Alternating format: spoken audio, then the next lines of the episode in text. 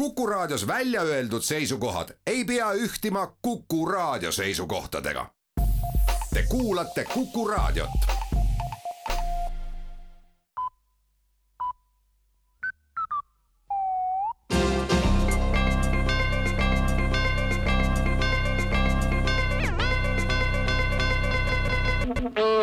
tere kuulama uudiseid stuudios Rohke Develak.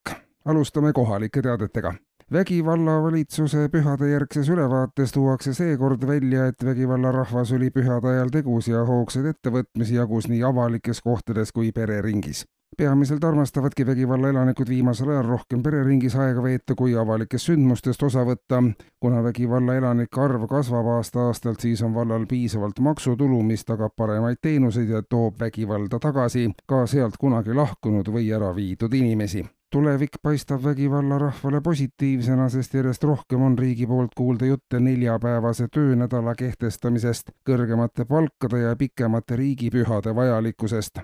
nii jagub vägivallarahval vaba aja veetmise ja perega koos olemise võimalusi üha enam, kärkis vägivallavanem intervjuu lõpetuseks ja suusatas reporterile pasunasse ja laiemalt, iga aastaga üha kasvavad katuserahad on esimesi tagasilööke andmas ja viimaste teadete kohaselt on parlamendihoone katus hakanudki läbi laskma, andis eile teada Riigikogu majandusteenistus. aastate jooksul on kõik katuse remondiks mõeldud summad laiali jagatud ja vajalikke remonditöid edasi lükatud. remondiks vajamineva summa täpsustamine käib ja tõenäoliselt tuleb sellel aastal jagatud katuserahad siiski saajatelt tagasi küsida ja veel parlamendi teemasid. riigikogus jätkub täna peretoetuste seaduse arutamine ning järjest lisandub parandusi, mis senise seaduse õiglasemaks muudavad eile hilisõhtul lisas Isamaa seadusparanduse, mis muudab ka naiste rolli ühiskonnas senisest õiglasemaks, sest vastavalt parandusele peab pere esimesed kuus last sünnitama küll naine, misjärel peab mees vahepeal sünnitama ka ise ühe korra keskmise keskealise Eesti mehe keha ümbermõõtu arvesse võttes on näha, et see võimalus lihtsalt ootab paisu tagant päästmist. selline seadus tooks Eesti selgelt pioneerina maailmakaardile, lisatakse Isamaa seletuskirjas, kus samas lisatakse ka, et erakondlik pusklemine viib lõpuks ikkagi selleni, et meestel tuleb edasi kannatada. Kõrghariduse edasine senisest parem rahastamine on samuti leidmas lahendusi, teatab valitsus palju on kaalutud tasulise või osaliselt tasulise kõrghariduse rahastamise mudelit, kuid seni on sõelale jäämas siiski tasulise alghariduse kehtestamine.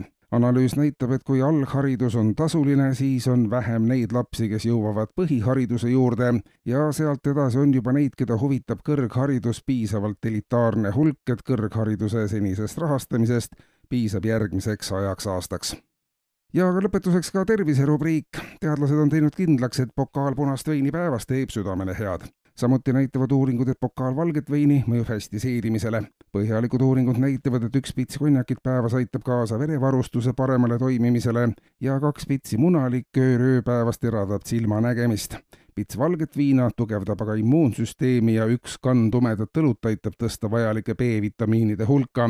üks kann heledat õlut on vajalik neerufunktsiooni heaks toimimiseks ja iga päev on vaja üks vaba päev kõikidest arstimitest toibumiseks, mida kergendab oluliselt kõikide eeltoodud tervise ennetamise meetodite kasutamine kahekordses mahus. kuulsite uudiseid